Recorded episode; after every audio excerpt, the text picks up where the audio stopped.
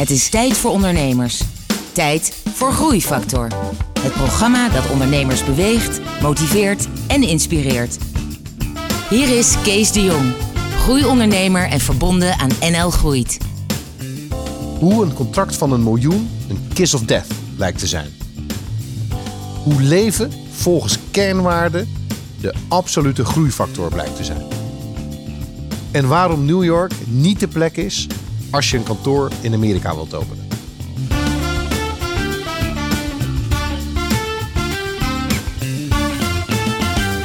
Hallo en welkom bij een nieuwe aflevering van Groeifactor. Het programma dat ondernemers beweegt, motiveert en inspireert.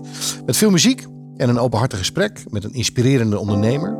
En in deze aflevering is dat Kostas Papaikonomou van Happen. Happen Groep, moet ik zeggen tegenwoordig. Oké, welkom. Ehm, we gaan het hebben over je hoogtepunten, je dieptepunten en hoe je daarmee om bent gegaan, je ondernemersreis eigenlijk.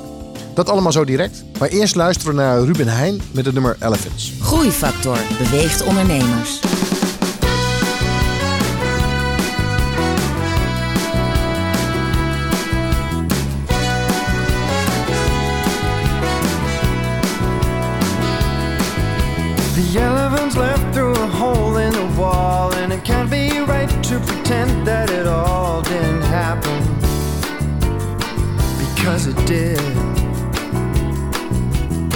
Turned away and nobody spoke of the china windows the elephants broke, just silence.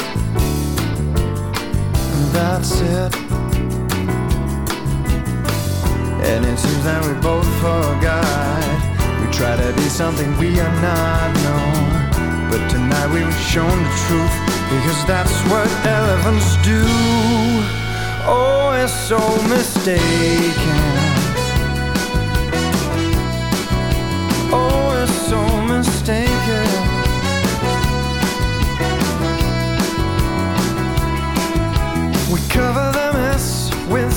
Talk, and we can't even see it's our own heart that is breaking, breaking the rules.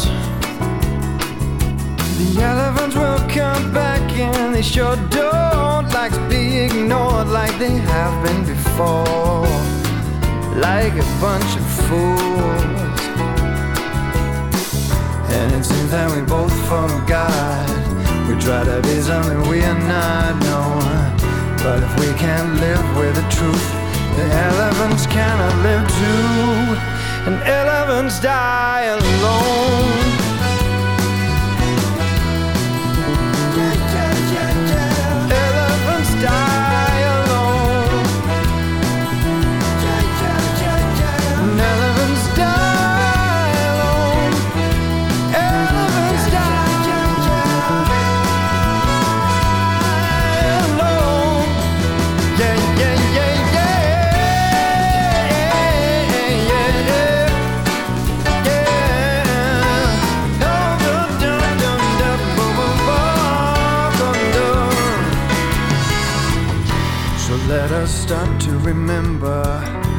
The things that we want to do. We should just get the food over candlelight. I know I want to crush all the tables with you.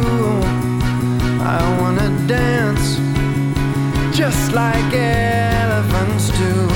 I want to wreck everything that I once held for our place. That is home. Now I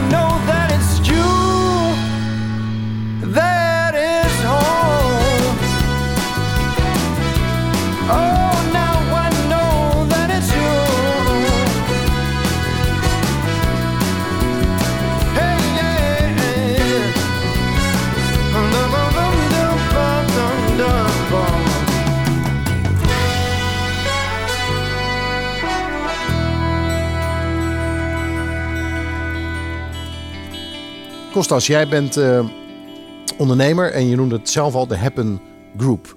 Ja. Ehm, en als ik het kort samenvat, jij helpt grote bedrijven met innovaties. Ja.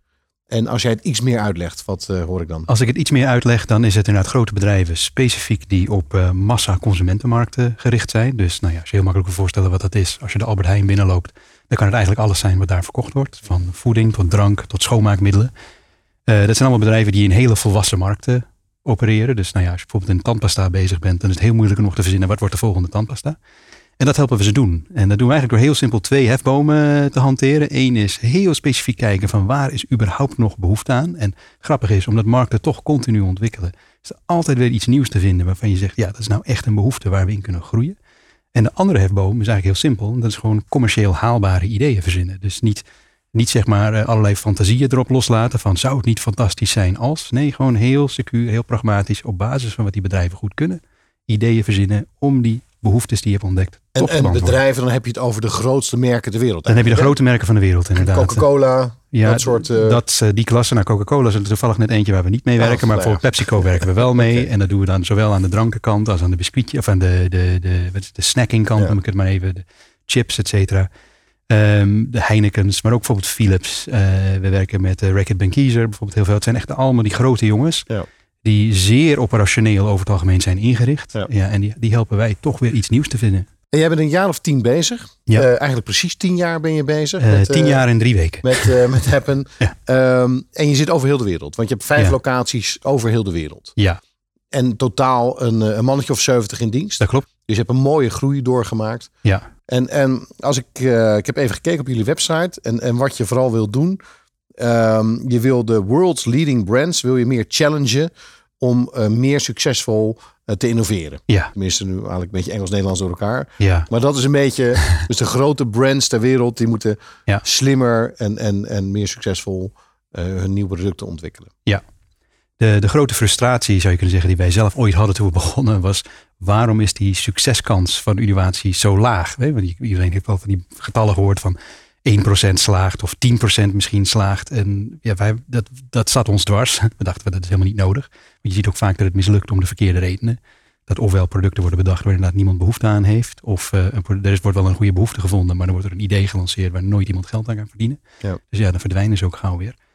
Um, en die, ja, die, die fouten die zitten, of die fouten die gemaakt worden, die zitten vaak gewoon helemaal ja, uh, diep in die bedrijven. Gewoon in de manier van werken die niet klopt of waar iets fout zit. En naar het idee van, nou, er moet plek zijn voor een adviesbureau dat daar ja, wel dat, uh, dat goed kan doen. En dat maar, ook maar nu sla je hem zo plat als zijn een adviesbureau. Zou ja, je dan willen zeggen, jij bent een adviesbureau? Want in alles wat jullie doen, vind ik jullie hip en happening. Ja. En daar wordt, daar wordt het... Het woord adviesbureau hoort daar nee. inderdaad niet bij. Dat, uh, dat heb je ook. Het is een creatief bureau, zeker. Ja. Het is, uh, het is wel een, een groep bij elkaar. Of je nou, want we hebben een marktonderzoeksteam. Mm. We hebben ook inderdaad, uh, wat zou je kunnen noemen, het creatieve ideeënteam. In ieder geval, die helpt toch die, die insights, die inzichten die we uit de markt halen, te vertalen ja. met onze klanten samen naar productideeën. Um, maar wat we toch proberen te behouden, is een bepaalde onafhankelijkheid naar wat het resultaat moet zijn. Want als we zouden zeggen, nou, we hadden even goed bij spreken een, een verpakkingsontwikkelingsbureau kunnen worden in ja. deze afgelopen tien jaar. Maar ja, dan heb je het probleem, elke innovatieklus die je dan aanneemt, ja, dan weet je dat het de verpakking moet worden. Want uiteindelijk heb je dan monden te voeden en een verpakkingsontwikkelingsteam. Ja. En we zijn wat dat betreft heel erg, uh, ja, wat is het woord? Agnostisch misschien. is een beetje een, misschien een mm -hmm. beetje ongelukkig woord, maar het klopt denk ik wel. Maakt niet uit wat het moet worden. als het maar. In, in, indifferent ten opzichte van het soort probleem precies. dat je moet oplossen. Ja, precies. Als het maar om massamarkten gaat. Ik wil even met jou terug naar hoe het is begonnen. Want ja. jij bent, uh, zoals wij dat vroeger noemden, Delfterik. Ja, ongelofelijke Delfterik inderdaad. en, en, uh, Geen bruine schoenen, maar uh, wel. en jij hebt dus, dus in Delft gestudeerd. Ja. Um, en daarbij zag ik ook nog dat jij ook nog vijf jaar in de bioscoop hebt gewerkt. Als operator van een... Ja, dat is een fantastisch studiebaantje was dat. ik had namelijk echt, nou, het was een bioscoop met maar één zaal. Ja. Uh, dus het enige wat ik moest doen was nog met van die ouderwetse spoelen. Moest ik zeg maar, uh, ik had twee projectoren te bedienen. één voor de eerste helft, uh, één voor de tweede helft. En ja, dat betekende dat ik ten eerste door heel Delft heen gratis naar de film kon. maar ik had ook drie avonden in de week dat ik eigenlijk niks anders te doen had dan, nou ja, dan maar betaald toch voorbereiden voor tentamens. Dus, dus een fantastische studieomgeving. ik had een prima studieomgeving. Hey, en wanneer is dat ondernemerschap begonnen? nou, eigenlijk is dat mijn tweede carrière, zou je kunnen zeggen. Ik heb de eerste helft, de eerste tien jaar heb ik, uh, bijna tien jaar, heb ik gewoon voor ontwerpbureaus gewerkt, engineeringbureaus. Ja, uh, wat je bent nu? Ik ben nu 44. 44. Ja. ben nu ook formeel 20 jaar zeg maar afgestudeerd. Dat is nee, nu ruim 20 jaar. Maar de eerste tien jaar waren vooral ja, gewone normale banen. En ik, daar hield ook mijn, mijn belevingswereld op. Ik was eigenlijk helemaal niet bezig met ondernemer worden. Tot ik eigenlijk in een toch wat andere omgeving terecht kwam tegen het einde van die tien jaar. En met, uh, nou ja, met de mensen die nu mijn partners geworden zijn, uh, in een bureau zat waarvan we dachten, nou wat we nu hier doen, dat zouden we best wel zelf willen proberen. Um, en dat niet doen in dienst van een groter conglomeraat, wat eigenlijk daar een heel ander beeld bij heeft dan dat wij dat hebben. Dus, dat dus is eigenlijk gestapt met die anderen. Ja, Hoeveel zijn anderen waren dat? Nou, oorspronkelijk met z'n vieren zijn we eruit gestapt. Uh, daar is wel één van vrij snel al na twee jaar hebben we die, haar uitgekocht. Dus we zijn eigenlijk met een kernteam van oprichters, noem ik maar even, met z'n drieën. Um, en bij die drie zijn in de afgelopen tien jaar, of eigenlijk al meteen in de eerste vijf jaar moet ik zeggen, zijn twee anderen erbij gekomen. Dus we zijn nu met een, uh, ja, met, ik noem even een formeel oprichtersteam van vijf, ja. uh, maar als kern van drie. En wat is jouw rol binnen dat team? Uh, mijn, nou, dat is natuurlijk wel veranderd in de afgelopen tien jaar. Uh, net als, nou ja, en ik heb een paar van de eerdere interviews ook geluisterd die je gedaan hebt. Je hoort, je hoort heel veel dat mensen gewoon beginnen met, ja, je doet eigenlijk alles zelf. Ja. En uiteindelijk ja, neem je afstand tot van wat je oorspronkelijk het, het doelwerk uh, noemt. En dan ga je meer naar een soort sturend of leidende rol. wat voor mij nu geworden is, is eigenlijk het mooiste wat er is. Dat is namelijk, eigenlijk ben ik alleen nog maar op zoek naar de, de nieuwe grote accounts. Uh, welke klanten maken er nog een potje van? Dat is eigenlijk een beetje waar ik naar op zoek ben. Welke grote bedrijven hebben gewoon lage ja, uh, succeskansen met die innovaties? Nou, die kun je zo, uh, die kun je zo vinden. Dat zijn ze namelijk bijna allemaal. en hoe overtuig ik ze dat ze toch eens een keer moeten proberen met ons te werken? Dus jij bent eigenlijk de commerciële buitenkant ja, van, het, van het bedrijf. Dat doe ik nu ook samen met een van de twee andere oprichters, mhm. Mark. ik richt me vooral, en dan komt misschien mijn Delfterik achtergrond bij kijken, met die klanten die vooral, waarbij vooral de barrière zit in het, um, het, het, maken van ideeën die commercieel gewoon haalbaar zijn. Dat betekent vaak gewoon maakbare ideeën op basis van de fabrieken die ze hebben. Maar we hebben hier natuurlijk te maken met bedrijven die soms wel 10, 20, 30 fabrieken hebben wereldwijd. Ja, ja dan moet je niks verzinnen. Niet, niet ideeën gaan zitten genereren waarbij je weer een nieuwe fabriek moet bouwen. Je moet gewoon op basis van die bestaande middelen moet je kunnen, kunnen innoveren. Ja. Die zoek ik. En uh, mijn uh, zeg maar collega-oprichter die zit in een vergelijkbare rol. Die zit iets meer aan de consumentenbehoeftekant. Eigenlijk meer rechten juist op bedrijven waarvan het probleem altijd is van... kunnen niks nieuws verzinnen of kunnen niks, geen, geen behoefte meer vinden. en dan een stomme vraag, maar krijgen jullie dan uurtjes betaald? Of krijgen jullie dan een soort van succesfee? Omdat ja, hele goede vraag. Hele goede vraag. Want het heet ook happen. Dus ze zeggen van ja, wij, wij zijn pas klaar als het gehappend is. Ja. Uh, nee, het is uh, wat wij doen. We werken op projectbasis. Dus wij maken een inschatting van hoe groot is het probleem. Uh, ruwweg, hoe lang gaan we ermee bezig zijn om, om dat op te lossen op een gedegen manier. Maar we willen het wel doen op een manier dat wij nooit om extra budget hoeven vragen. Het is echt, dus we spreken iets af van jongens, het is een, eigenlijk een succesfee in die zin. Van je krijgt van ons en het insight of het inzicht waarop we kunnen gaan innoveren. En we gaan je ook de propositie geven waarmee je dat kunt doen. Um, daar spreken we gewoon een prijs vooraf. Heel simpel. En uh, als we dat kunnen met uh, tien uur werk, is eigenlijk iedereen blij. Want wij verdienen dan heel veel per uur. En zij hebben een oplossing al na tien uur. Mm kost het een 100 uur of 200 uur? Ja, dat is wat anders. Maar uh, uiteindelijk is het een, een fee op basis van het project. We hebben wel eens geprobeerd succesfees op basis ook van ehm, royalties, et cetera, af te spreken. Maar ja, dan krijg je meteen het punt. Ja, dan moeten we ook bij hun in, de, in het bestuur gaan zitten. Om te zeker weten dat ze het eh, doorvoeren. We hebben er wel iets op gevonden hoor. Dat is wel een hele mooie trouwens voor, uh, als tip naar de luisteraars. Onze teamleden, zeker die in Londen, die krijgen persoonlijk een bonus van ons, gewoon vanuit het bedrijf. Als een project waar zij aan werken leidt tot een lancering die ook in de markt blijft. Nou, dan krijg je inzet hoor. Dat, uh, en dat werkt net zo goed als dat wanneer wij als bureau een, uh, een succesfee zouden krijgen. En dat, uh, ja, dat hoort allemaal bij het merk wat we dienen. Oké. Nou, dat is al een heel mooi inzicht. Um, ja. Maar ik wil toch nog even ja. terug naar tien jaar geleden toen jullie tien jaar geleden, ja. als, als klein clubje van, uh, van vier man. Ja. Daar gaan we het straks verder over hebben. We luisteren eerst even naar muziek.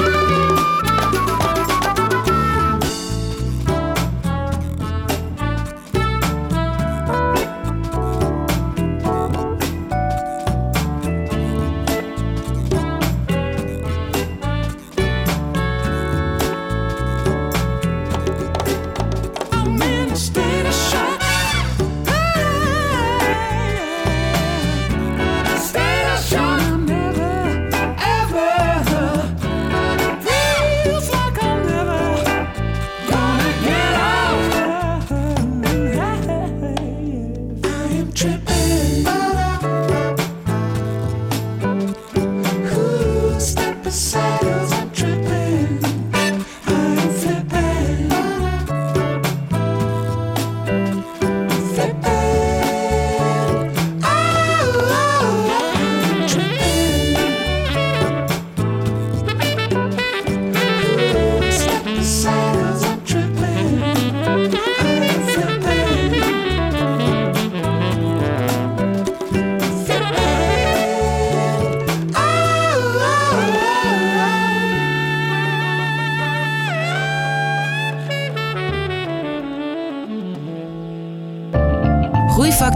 Initiatief van MKB Brandstof. Ga naar mkbbrandstof.nl voor nog meer openhartige verhalen van inspirerende ondernemers. Groeifactor inspireert ondernemers.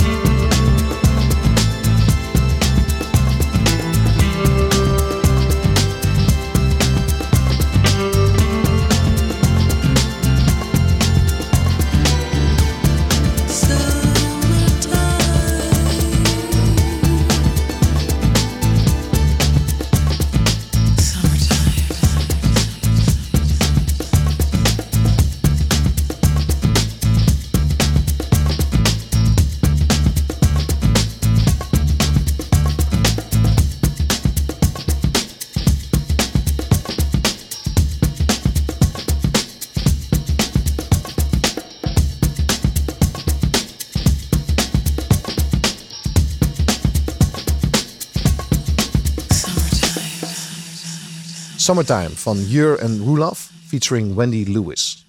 Ik ben nog steeds in gesprek met Kostas van Happen. Uh, Kostas, we hadden het net over die beginperiode van, uh, van Happen. Mhm. Tien jaar geleden uh, brak jij uit met drie partners bij een bureau om je eigen bureau te beginnen. Ja. En beschrijf eens hoe die eerste weken waren. Wat gebeurde er toen? Nou, het begint natuurlijk met het besluit om het ook echt te gaan doen. En dat is een hele spannende tijd. Uh, maar als je tien jaar teruggaat, was het ook een andere tijd dan dat het nu is. 2007, het was net een jaar voordat de crisis uitbrak. Dus dat was ook een makkelijkere tijd om te denken van, nou weet je, we gaan het gewoon proberen. En als het niet werkt, joh, dan, uh, dan komen we toch wel weer uh, goed terecht. Um, en we hebben dat achteraf, denk ik, heel slim gedaan. wat we vooral niet gedaan hebben, is met veel bombarie en slaande deuren bij het bureau waar we zaten met z'n vieren weggaan. Hebben dat getrapt gedaan. Uh, dus uh, nou ja, we zijn, waren met z'n vieren. Ik was de derde uit die vier die vertrok. We zijn met steeds met een maandje of wat ertussen eruit gestapt. Maar ook, heel belangrijk, uh, we stapten er pas uit op het moment dat we een klant te pakken hadden. die ons kon financieren met een eerste partij werk.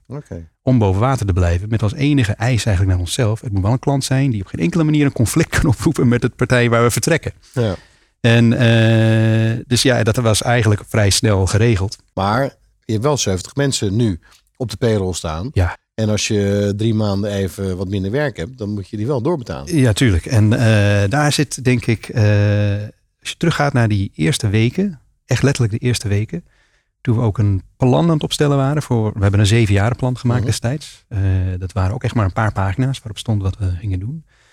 En toen hebben we aan het begin al één heel belangrijke beslissing genomen achteraf. Bijvoorbeeld, in het moment wisten we niet hoe belangrijk die wel niet was, maar achteraf heel belangrijk gebleken.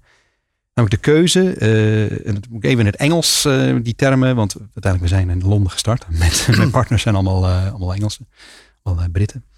Ehm, worden we een vocational business? Dat was de ene richting. En dat heb je dus ja, wel uit roeping, maar dan ben je vooral bezig jezelf te promoten. En dat is eigenlijk een beetje ook hoe je... dat? Een Vocational. Een vocational? Vo- vocational, dus van een, een roeping. Ehm, maar dan zit je bijvoorbeeld ook heel groot je, je naam op de gevel. Dan ben je eh, een partnermodel echt. Van nou ja, je hebt eh, partners, er zitten hooguit tien medewerkers onder. Dat zijn vooral dan, ja, dat moeten dan slaven worden. Die vooral heel hard voor jou werken. ja, een soort advocatenkantoor beschrijven. Advocatenkantoor inderdaad. En je businessmodel wordt dan vooral heel hard dividend eruit trekken. En ja, maximum aan de groei natuurlijk.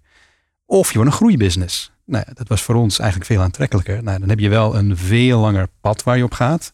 Eh, je verdient ook zelf nou, helemaal niks aan het begin. Want je bent vooral bezig, continu, daar zit het dan in, jezelf proberen overbodig te maken. Om maar meer mensen naar je toe te trekken die voor het merk willen gaan werken dat je aan het bouwen bent. Ja. Ehm, en dat is een andere koek. Ehm, maar het voordeel daaraan is dat je ook continu op zoek moet naar, niet zozeer naar functies, maar naar carrièrepaden die je binnen je bedrijf kunt creëren. Waar mensen op afkomen. Ja. Die slimmer zijn dan jij, die ook dus willen business genereren. Ja. Dus als je kijkt naar, het, naar die hele groep van, nou ja, dat is nu inderdaad ruim 70 mensen. Nou, daar lopen er zeker 15, 20 van rond. Die soms hele kleine beetjes, in andere gevallen hele grote beetjes, werk binnen aan het halen zijn. Want het is deel van wat zij doen. Dus je hebt een soort zelfstandig opererend organisme gecreëerd. Wat Precies. blijft doorgaan zelf als jij nu Ja. besluit om twee jaar even een sabbatical te nemen. Ja, de, nou, het, het is het natuurlijke gevolg van continu jezelf proberen overbodig te maken. En dat eh, geldt niet alleen voor mij, dat geldt evenzeer voor mijn partners en Ja. medeoprichters. En eh, Maar, maar dat stond in het zevenjarenplan. ja, om heel specifiek te gaan Is zoeken. het ook onderdeel van het succes geweest dat je, dat je dat in het begin zo duidelijk hebben afgesproken en ook op papier hebben gezet? Ja, dat, dat dat- geen Ja. eh, gedoe meer opleverde? Ja, want toen na, bijvoorbeeld na een jaar of vijf het einde in zicht kwam van het eerste plan, hebben we hem weer helemaal tegen het licht gehouden. Na een jaar of vijf kwam het einde van het zevenjarenplan. Ja, want dan weet je van, nou we hebben nu nog twee jaar voor de Oh, boeg. ja. Weet je moeten we nou... Ja, nee, maar er komt wel zo'n moment van... Ja. Klopt het nog met wat we bedacht hadden? Natuurlijk hou je dat continu in de gaten. Maar we hoefden betrekkelijk weinig aan te passen om weer een volgende zeven jaar eh, zeg maar, uit te zetten. Dus ja, over twee jaar moeten we dat weer tegen het licht gaan houden. Dat klinkt heel systematisch en gedisciplineerd. Ja, en ook het geluk hebben dat we het de eerste keer al redelijk om, voor elkaar hadden. En ook in een zekere zin niet zo... ehm, ik bedoel, we hadden wel een ambitie om te groeien. Maar we hadden niet de ambitie om een soort van alles onder één dak gigantisch ingewikkeld bedrijf te worden. We hadden een heel specifiek eh, doel, namelijk we willen innoveren. We willen grote bedrijven helpen beter innoveren. Ja. En dat, eh, die focus die heeft ons wel heel erg geholpen. Ehm, wat er gebeurde waren eigenlijk een combinatie van een paar dingen. Eén, dat we de organisatie, oké, dit klinkt wel heel formeel, maar het is gewoon wat werkelijk het geval was. We waren eigenlijk georganiseerd als een klein bureau. Maar intussen geen klein bureau meer. Hè? We waren een man of 50, 60 al rond die tijd.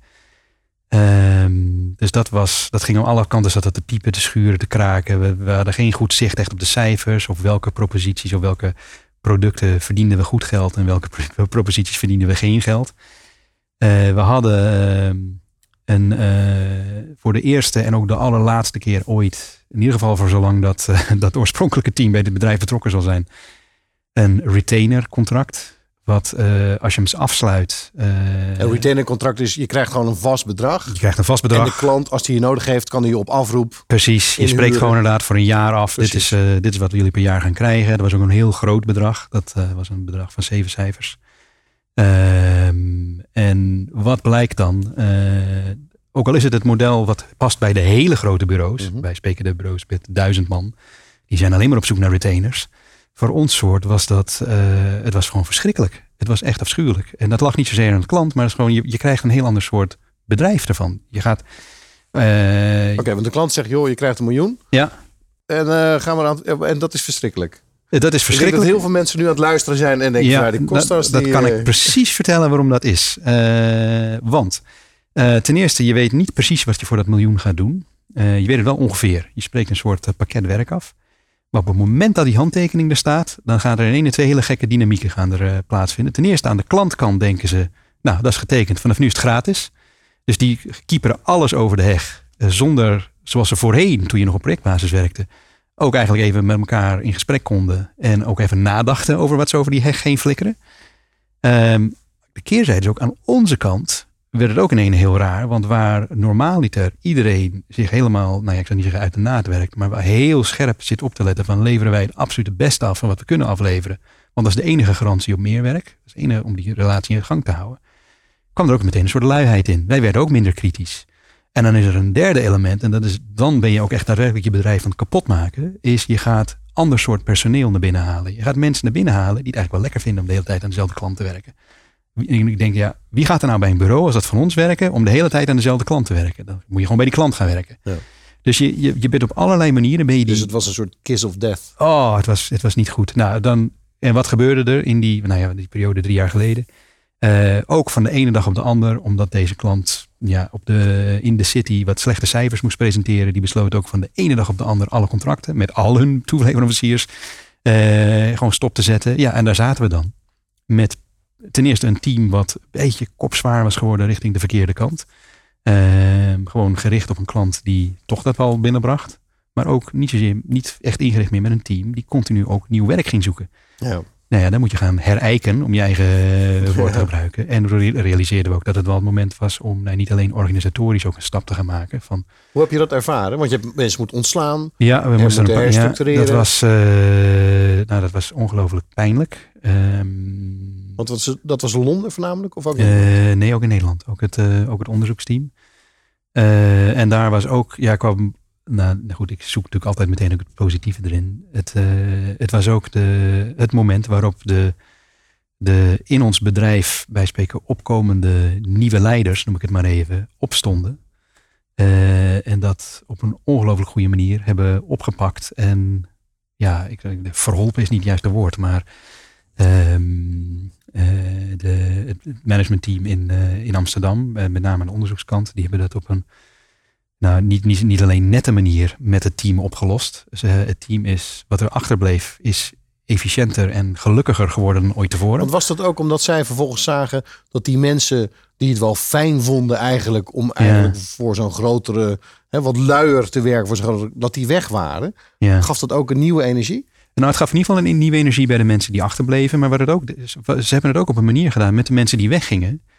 Dat die, en denk ik ook terecht, op een hele blije manier weer verder gegaan zijn met hun eigen carrière. Uiteindelijk zijn gewoon volwassen mensen die verzinnen gewoon uh, in, uh, binnen een week wat ze daarna wel weer gaan doen. En vinden ook snel weer nieuw werk. En dus is het ook zo, als je ons op je cv hebt staan, dan, uh, dan heb je ook iets goeds op je cv staan.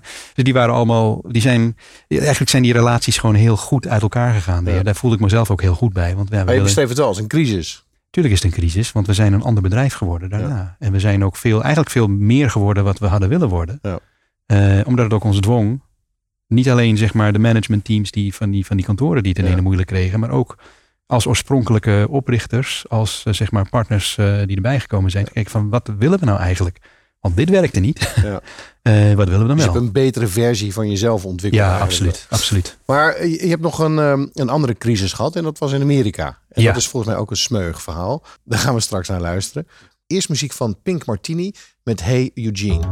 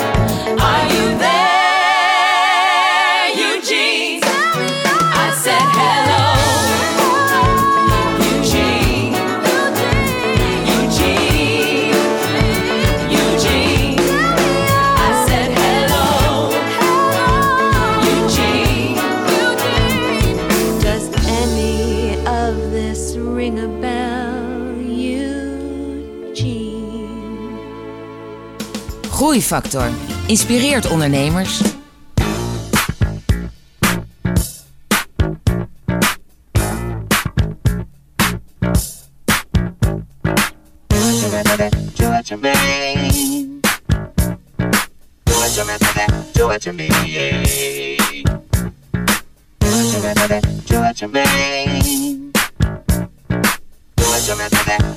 Baby,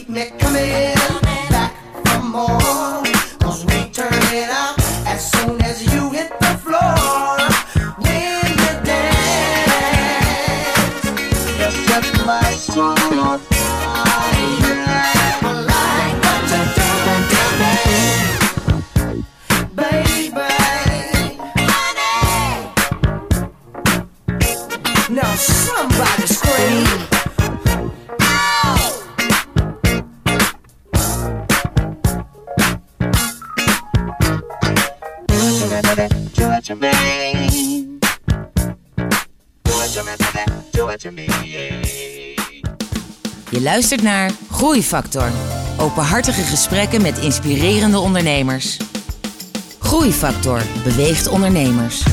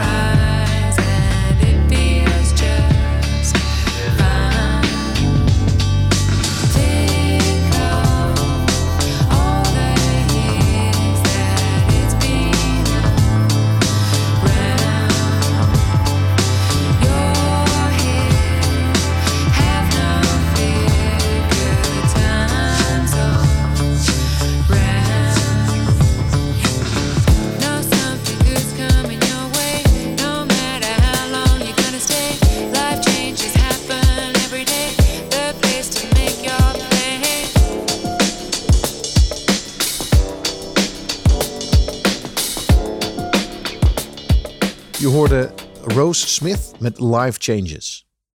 Eh, Kostas, dit programma gaat ook over muziek. Ehm, heb jij iets met muziek in jouw ondernemersbestaan? Ehm, ik luister wel veel muziek en ik krijg ook energie van, eh, van muziek luisteren. Ehm, er, is, eh, er is geen echte lijflied van het bedrijf, eh, mocht je daar eh, naar op zoek zijn. Ehm, ik denk dat we ook als, eh, als team te divers zijn, dat we daar allemaal dezelfde muziek, muzieksmaak achter Ja, maar niet zozeer voor het bedrijf, maar voor jouzelf. Dus als jij weer op een van de vlucht zit eh, Ja. naar eh, Los Angeles, Ja, wat, de- wat zet jij dan op? Ik, ik heb een, een, paar opwarmnummers waar ik, of op- opwarmartiesten moet ik eigenlijk zeggen, waar ik altijd naar luister. Ehm, ik heb altijd even Spinvis erbij zitten. Ehm, omdat ik eh Spinvis, eh, ik heb hem live gezien. Eh, ik vind hem een ongelofelijke, ongelofelijke ja, creatief artiest. En creatief betekent voor mij dat je van niets iets kunt maken. Dus echt iets oorspronkelijks creëert.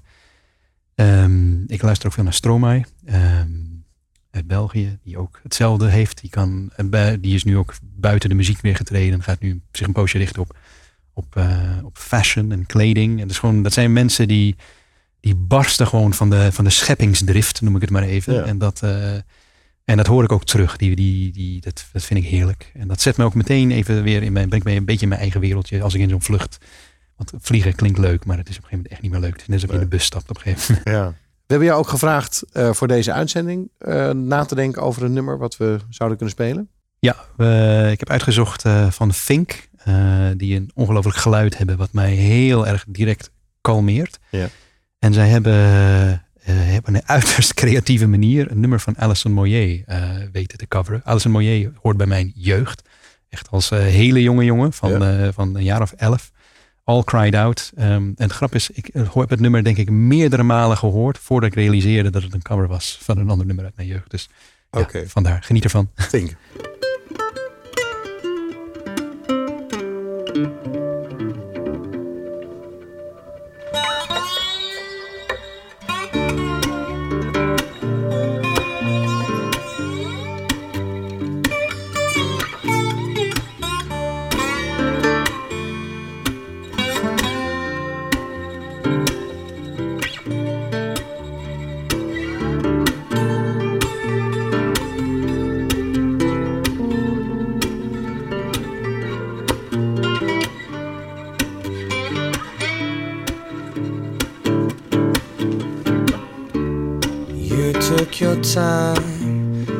Come back this time. The grass has grown under your feet. And in your absence, I changed my mind. Someone else is sitting in your seat.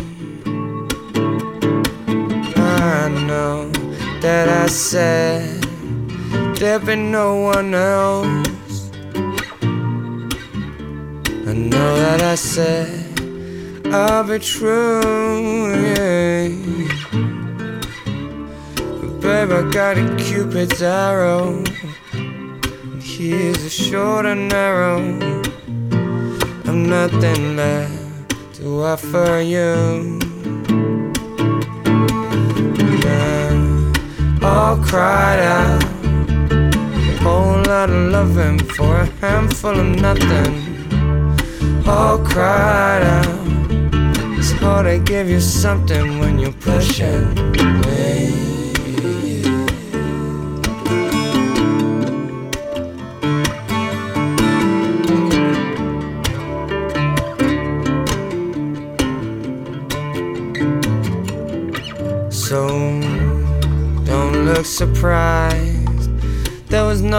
Disguise.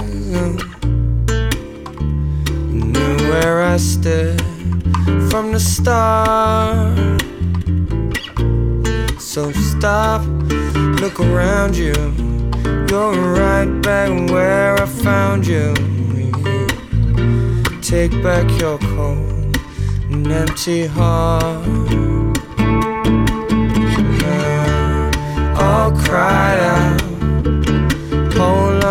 Loving, handful of nothing. All cried out. It's hard to give you something when you're pushing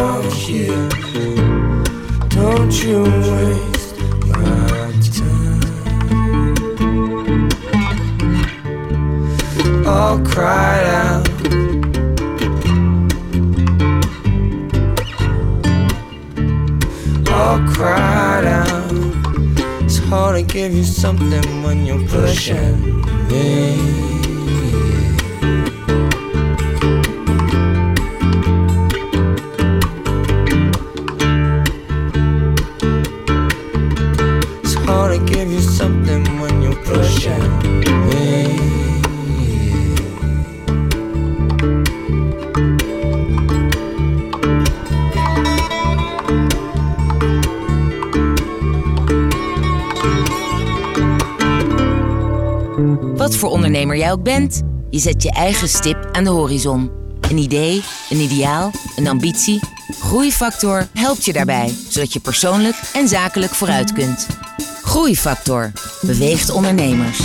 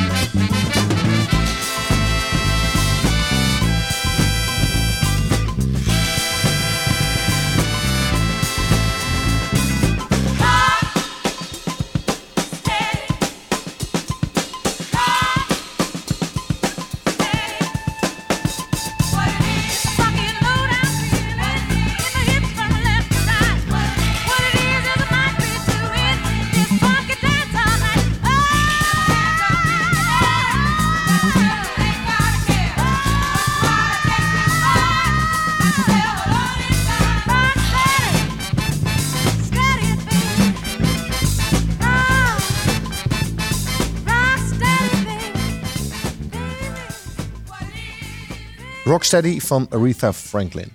Ik ben in een gesprek met Kostas, met een hele lange, moeilijke Griekse achternaam.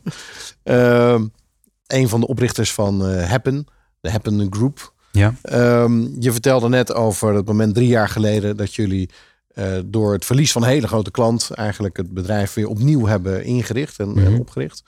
En ik kondigde aan ehm, dat jullie ook in Amerika een mooi avontuur hebben gehad. Ja. Nou, nu weet ik dat voor veel ondernemers ehm, Amerika heel ver weg is. En, maar dat toch veel ondernemers, ja, het is een enorme markt. Als je daar succesvol bent, dan kan je, hè, dan, ehm, dan, dan ligt Ja. alles open. Ja. Hoe, hoe zijn jullie naar Amerika gegaan? Wanneer was dat? Wat zat erachter? Ja, we zijn in. eh, we hebben het eigenlijk dus twee keer gedaan. Als ik even terugkijk. De eerste keer eh, hebben we dat gedaan samen met een, eh, een Canadese dame. Die daar werkte. Die zat al in ons netwerk, laat ik het zo zeggen. En met haar hebben we oorspronkelijk Happen North America opgericht, maar wel vanuit Toronto. eh, waar zij eh, vandaan werkte. Zij had daar ook al een eh, klein team. Zij ging onder het Happen-merk werken. En in 2000, eh, nee, het is 2009 of 2010, rond die 2010 zal het geweest zijn, hebben we bedacht van ja, als we onszelf serieus willen nemen als een innovatiebedrijf, de grootste van de wereld werkt, Moet je in New York zitten? moet je in New York zitten. Ja, en dat, eh, ja, als ik achteraf mezelf had kunnen toespreken of, of mijn partners, Nou, wat had je gezegd? doe normaal man. maar dan, waarom, waar- waarom zou je dat nou willen? En eh, moet het wel, als je dan Noord-Amerika wil, moet het dan New York zijn? Of kan het niet gewoon vanuit Toronto? Misschien Chicago, er zijn zoveel plekken, maar New York leg je de lat wel heel erg hoog. Maar waarom? Wat, wat ging er dan verkeerd? Ja, wat gaat er verkeerd in New York? New York is gewoon een heel moeilijk klein eilandje eigenlijk om ehm, talent te vinden. De competitie is heel hoog. Eh, er lopen heel veel talenten rond en die kunnen eigenlijk vragen wat ze willen. Want ja, het is New York.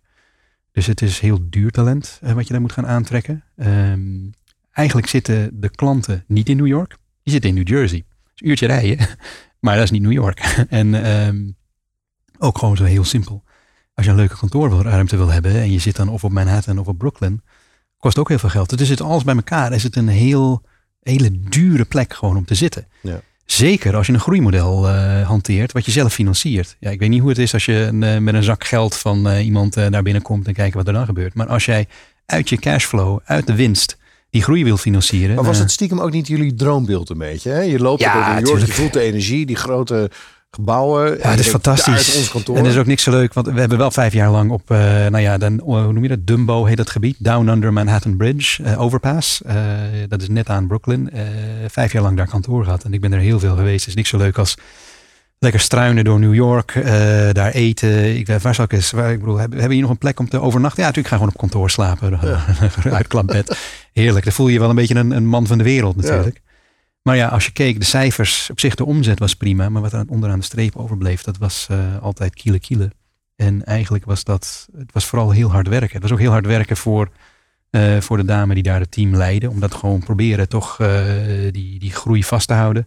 Het was heel veel werk voor met name David, een van mijn, van mijn medeoprichters. Die echt de CEO-rol speelt van ja, al die business, business units op het spoor houden. En na een jaar of vijf, dus eh 2015 was dat, hebben we elkaar diep in de ogen gekeken en gezegd van, is dit een goed idee om hiermee door te gaan? En eigenlijk niet, kwamen we achter. En dat is wel heel pijnlijk. Ehm, Ja. en En dat, is ook wel, wel moeilijk, want ja, je laat wel wat achter. ja. En, Wat, wat, wat was de aanleiding dat je elkaar zo in de ogen keek? nou, omdat we, we waren Cijfers 2014?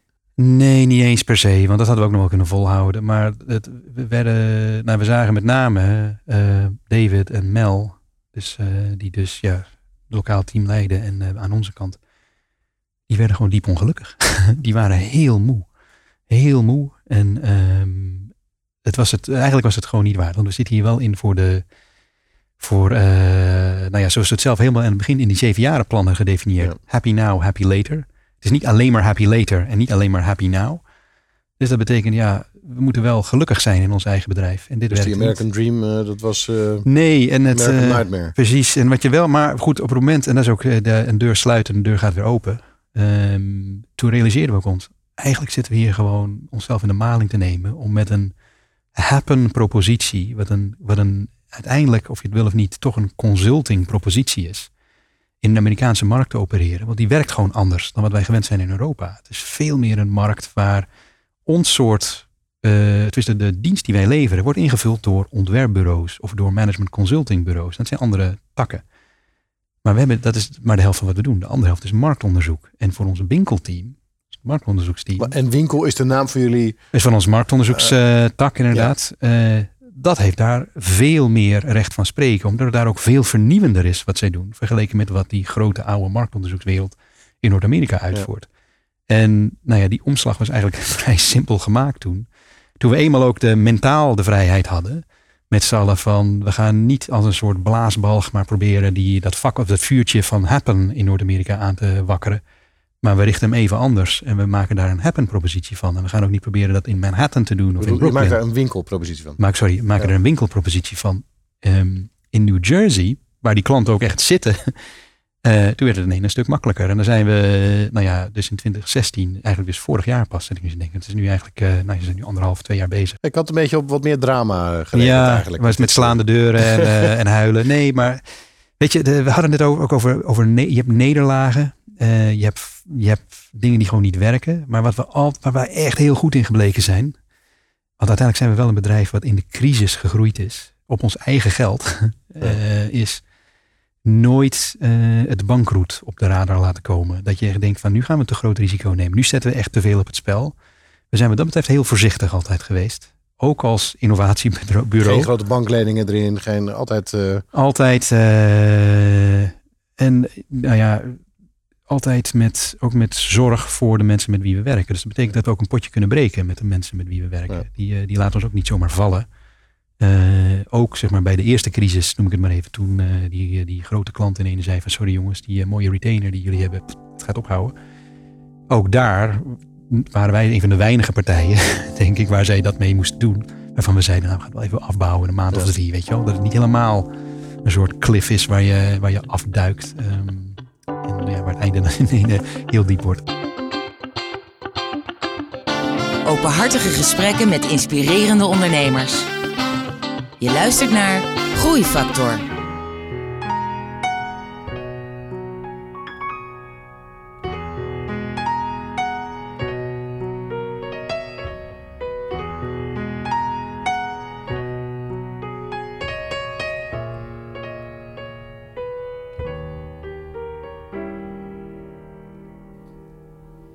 Let's go to the park.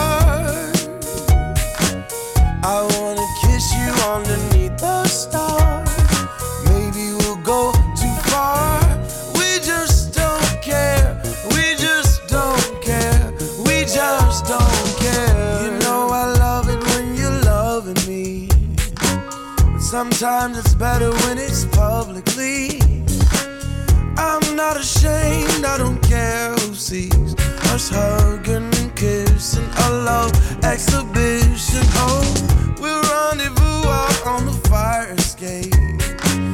I'd like to set off an alarm today.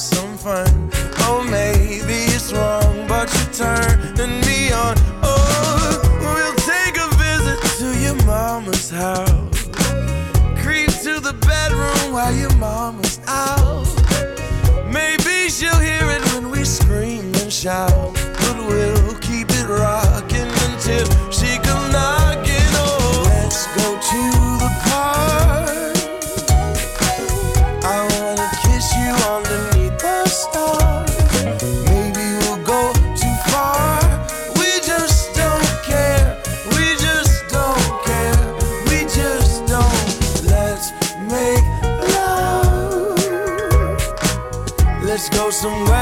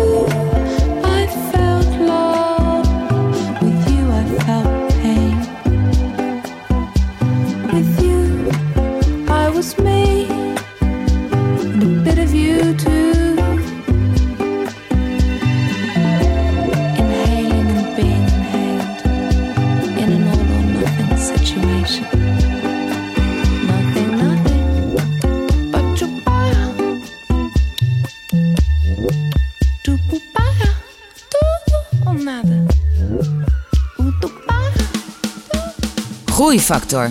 Het programma dat ondernemers beweegt, motiveert en inspireert. Groeifactor beweegt ondernemers. Hit that jive jack, put it in pocket till I get back. Going downtown, see your man and I ain't got time, shake your hand. Hit that jive jack, put it in pocket till I get back. Time and time waits for no man and I ain't got time, shake your hand. Hit that job, jack, put it in pocket till I get back. Going downtown, see a man, and I ain't got time. Shake your hand. Hit that job, jack, put it in pocket till I get back. Time and time waits for no man, and I ain't got time. Shake your head. Hit that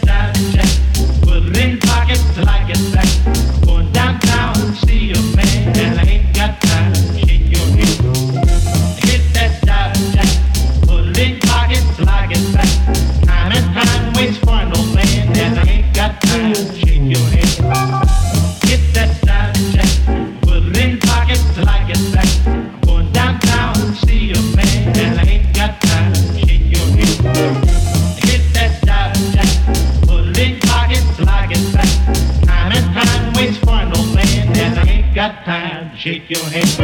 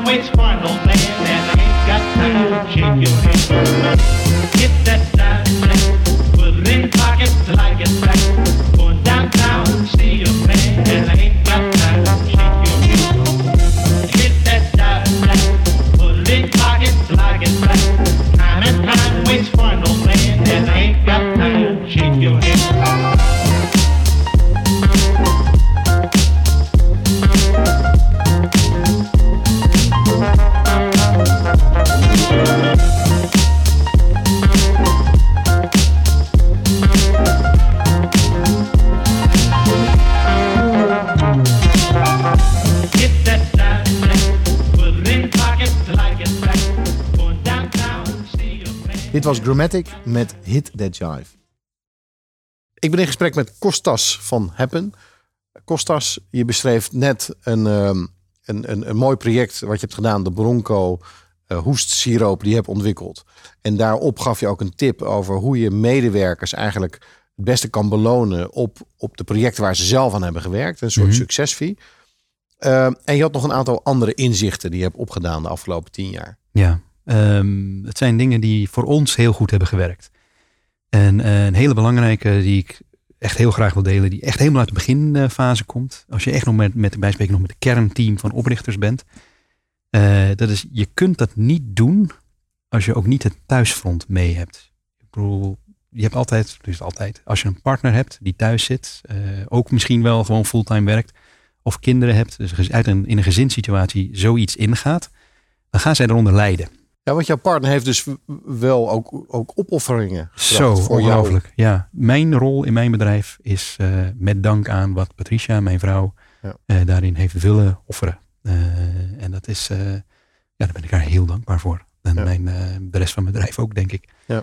Ehm, andere belangrijk, wat voor ons heel belangrijk geweest is, en het klinkt ook een beetje klef misschien, maar dat is dat we al heel vroeg in het bedrijf, in het eerste jaar, vrij helder waren over wat zijn nou onze kernwaardes als team, als oprichtend team. En wat is nou, wat zijn de waardes achter het merk wat we willen Want dat stond ook in dat document. Stond ook in het document. zeven jaar Ja, plan precies. document. En die gelden, gelden vooral voor het hele bedrijf. Dus en voor, voor het Happen team en voor ons winkelteam, ons marktonderzoeksteam. En die, die waardes, eh, die, die kan ik wel even noemen. Dat is simplicity. Dus dat je altijd alles zo eenvoudig mogelijk probeert op te Mhm. lossen. Value, dat je altijd waarde probeert toe te voegen. Eh, dat je care toont. Dus dat is en dat je zorg hebt voor je klant, maar ook voor jezelf, voor je teamleden, voor je toeleveranciers. En dat je ook een beetje enjoyment, dus plezier hebt eh, erin. Die vier, die staan Ja. vaak haaks met wat het werk eigenlijk vereist. En die, en die waarde, dat werkt eigenlijk door al jullie vestigingen en landen Ja. heen. Absoluut. En dat, is, eh, dat zit heel diep. En eh, toen we er eh, de eerste keer over spraken, dat, ik, moet, ik, ik ben Delftrik, het kwam niet vanuit mij, het kwam vanuit een van de anderen. Van hoe belangrijk het was om dat toch vast te leggen. Ik dacht, ja, nou ja, goed, dan leg ik het wel vast, prima, ik doe wel mee. Maar het is zo belangrijk gebleken. Ja. Eh, nou, ik vind het een fantastische tip en, Ja. en ik kan het beamen dat het zo is. En hoe moeilijk het is om het goed te doen. en, ja, en het is gewoon een kwestie van vasthouden. Je moet het vasthouden. Je bent nu 70 man, daarvoor kan je Ja. zeggen, nou, dat is een mooie prestatie. Maar, We zijn een van de grotere inderdaad nu. eh, ja. Ja, maar het is nog maar 70 man. ja. Waar ligt jouw ambitie voor je eigen ontwikkelingen? Voor de eigen ontwikkelingen, voor, de, voor waar moet Happen groep naartoe? Mhm. Waar gaan wij als eh, team heen? Eh, we zoeken nu de roem. En dat klinkt een hele fame. Ik, ik, weet, ik, weet, dat is het, he- ik weet dat we de beste zijn. Eh, waar we de eerste zeven, acht jaar dachten van, zijn we wel de beste? Ja, het gaat wel goed hè. En we groeien. En kijk eens naar die omzet die we genereren voor onze klanten. Het is wel fantastisch eigenlijk.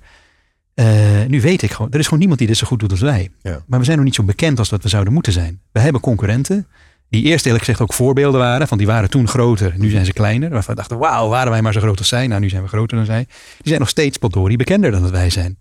En waar onze groei nu gaat komen, dat is door gewoon secuur, en dat, dat zijn we ook al mee bezig, te proberen die naamsbekendheid veel groter te maken dan het nu is. Want wij kunnen twee keer zo groot, drie keer zo groot, vijf keer zo groot worden. Misschien wel tien keer zo groot. Eh, want ja, die behoefte is er. Ik bedoel, Ja. er gaan nog steeds 95% van de innovaties falen. En dat zijn al die 95% waar wij niet aan werken. Ja. Ehm, ja, nee, en sommige, ik bedoel, als wij een klant kunnen helpen om van 3% succes naar 6% succes te gaan, dan hebben we het al 100% verbeterd met ze. Dan zullen ze de hand op elkaar zetten. Ja. Ehm, maar er is nog een wereld voor ons te winnen. En het is vooral, ja, die, die reputatie die we opgebouwd hebben, om die ja, zo breed mogelijk te maken. Ja, het heeft- wat mij betreft kan het, het kan niet groot genoeg worden. Ja. Hoe, meer, hoe meer mensen gewoon inzien wat wij hebben ingezien, hoe beter. Want zo moeilijk blijkt het uiteindelijk niet te zijn, laat ik het zo zeggen. Nou ja, maar het zijn vaak de simpele dingen die uiteindelijk Ja. heel moeilijk zijn om, Ja, om te kunnen. Maar ik zie wel de, de ambitie uit je ogen. eh, Als ja, het is, zo hartstikke leuk. Ja, dus ik bedoel... En nu wordt het ook tijd ook dat mensen ons zien als de, ja, weet je, als de. McKinsey van de innovatiebureaus. Ja, Is dat ja het beetje is de- gewoon te gek dat er gewoon eh, niet iedereen al met ons werkt.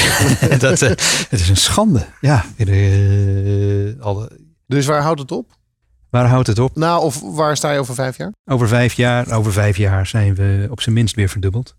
Eh, qua, qua omzet, qua, qua, qua team. Ja, maar daar hoort dan toch een, ook een ander plaatje bij. Op zijn En daar hoort een- verdubbeld. Heb je het over... Heb je het over eh, ja, wat, moet ik zeggen? Wat, eh, wat, wat, we hebben, nou, misschien wat wel mooi zou zijn. We zijn nu bedrijven aan het helpen innoveren. Ik denk dat voor ons de volgende stap is om landen te helpen innoveren. En dat je gewoon zegt van jongens, hier is een land wat zichzelf uit de armoede moet innoveren, bij wijze van spreken. Of uit de vorige eeuw moet innoveren. Daar gaan we een groep bij inschakelen. En dan gaan we deze hele, het hele land halen we door de molen heen. En die gaan gewoon niet meer zitten foefelaren met allerlei onzin. en denken dat het moet komen uit de kolenindustrie of uit waar dan ook. Dit wordt gewoon een, een ja, de, het land wat dan, eh, wat, ik, ik, ik- dat, is een, dat is een droom. wat fantastisch. Ja. En daarna een continent. Oké. Dan blijft alleen de wereld Nou, ik heb dus te maken met een eh, daadwerkelijke wereldveranderaar, verbeteraar. Ja, maar wat is een verbetering? Dat is het. Het is niet, innoveren kun je- is natuurlijk een groot deel van de innovatie die gebeuren, is, is pappen en nat houden. Dat is een beetje marktaandeel van elkaar stelen. Ja. Maar het wordt pas leuk als je zoekt naar de echte progressie, naar de verbetering. Weet je wat ze in Finland hadden, hebben gedaan met het schoolsysteem? Bijvoorbeeld, in? Finland, ja, Finland, ik bedoel, daar moeten we een beetje van afkijken van hoe hebben die het nou gedaan. Eh, Ja. daar is vast heel veel Het te beste leren. schoolsysteem met het minste aantal Oh, uren, minste het zo aantal huiswerk, ja. meeste aantal vrije dagen. Ja, en, eh, want, en, wat zoeken ze? En ze zoeken geluk. Dat is wat je zoekt. En het is, eh, ja, dat is wat progressie moet brengen. Ja. Niet, Het lijkt me trouwens in jouw, eh, in jouw eh, beroep fantastisch om te werken met ook al die slimme, creatieve, vrijgevochten geesten. En ze willen ook. Dat is, Ja. ik, wij hoeven nooit te werken met mensen die niet willen. Nee. dat is, want ze gaan pas met ons werken als ze, als ze weten, we willen dit. Dat, eh, want er is geen andere weg. Kostas, we lopen een beetje aan het eind eh, van het Ja. gesprek. En dan kijken we nog, heb je misschien nog een laatste inzicht of tip die je kan, eh, die, je- die je wilt delen? Nou, je hebt er een aantal gedeeld. Ja, nou, eh, eh, collega-ondernemers, dan richt ik me even tot, jullie direct. Ik denk wel als je, nou hopelijk heb je nog een heel lang ondernemend leven voor je neus. Realiseer je wel als je straks in die kist ligt. ehm, er zal niemand vragen van, goh, hoe groot was je bedrijf? Gaat uiteindelijk van hoeveel liefde heb je gegeven en gekregen. Verlies dat niet uit het oog. Want dat is wel, ehm, je kunt werken tot je, nou je kunt altijd van 80 uur naar 90 uur gaan werken. Maar je kunt ook de, het geven van liefde uit het oog houden. Want dat is uiteindelijk waar je de energie van krijgt. En eh, vertaal dat desnoods in je bedrijf. Zorg ervoor dat je een team bouwt wat eh, houdt van het werk wat ze doen. En eh, houdt van het werken in het bedrijf wat je bouwt. Ehm, en ik heb het hier niet over werk, privé, balans dat soort Mhm. dingen. Dat is allemaal toch één grote mengelmoes met, voor een ondernemer. Eh, maar het is niet alleen maar de centen. Het is niet alleen maar de auto en de, en de dure whiskies. Het is echt uiteindelijk van bouw je iets op waar mensen ook echt geluk van krijgen. Ja. Privé, in je zaak. En, ehm, want je, bent wel, je trekt mensen aan die een deel van hun leven met je gaan doorbrengen. Ja. Dat is eh, wat een carrière eigenlijk is. En dat, ehm, Ja, en Dat, dat geeft ook een beetje een soort verantwoordelijkheid. ja. Weet je, je kan Ja. dat niet alleen maken om de centen. en Nee, de- en het is ook niet dat je papa Ja. of mama moet gaan zitten spelen voor deze mensen. Nee, dat is het niet. Maar je bent wel iets aan het bouwen waar zij happy. Ze moeten uit hun bed komen en denken van ja, vandaag weer een dag. Leuk. en, dat, Ja. eh, en dat doen we met plezier. Nou, wat een mooi eh, spiritueel einde. ja, eh, dat toch. is voor sommigen misschien wat soft. Maar ik ben ook een ongelofelijke softtrik. ik ben wel in Delft ge- ge- gevormd. Maar Nou ja, precies. Nee, je bent een, je bent een, een Delftrik uiteindelijk. Ja, nou, ik, Delftse vind, hippie. ik vind dat je een enorm mooi, mooi groeipad eh, hebt, hebt doorgemaakt. Hè, in, de- in Ja. de groeifactor. ja. Maar het mooie, eh, je hebt alle verschillende fasen meegemaakt. En ik vind het dan heel mooi dat je nou zo eindigt. Je hebt natuurlijk een fantastisch groeiend bedrijf, wereldwijd. Mhm. Je vliegt de eh, wereld over van, van groot bedrijf naar ander groot bedrijf, naar kantoren overal. En dan inderdaad toch dat je eindigt met eh, waar het dan echt om gaat. Ja. Dus dat, is, eh, dat vind ik een eh, mooie boodschap. Dus daar eh, laten we het bij. Ik wil je enorm bedanken voor dit interview. Heel hartelijk dank. Allemaal bedankt voor het luisteren. Voor nu nog een fijne dag en graag tot de volgende keer voor een nieuwe aflevering van Groeifactor. Ga naar mkbbrandstof.nl voor nog meer inspirerende verhalen van mede-ondernemers. Groeifactor beweegt ondernemers.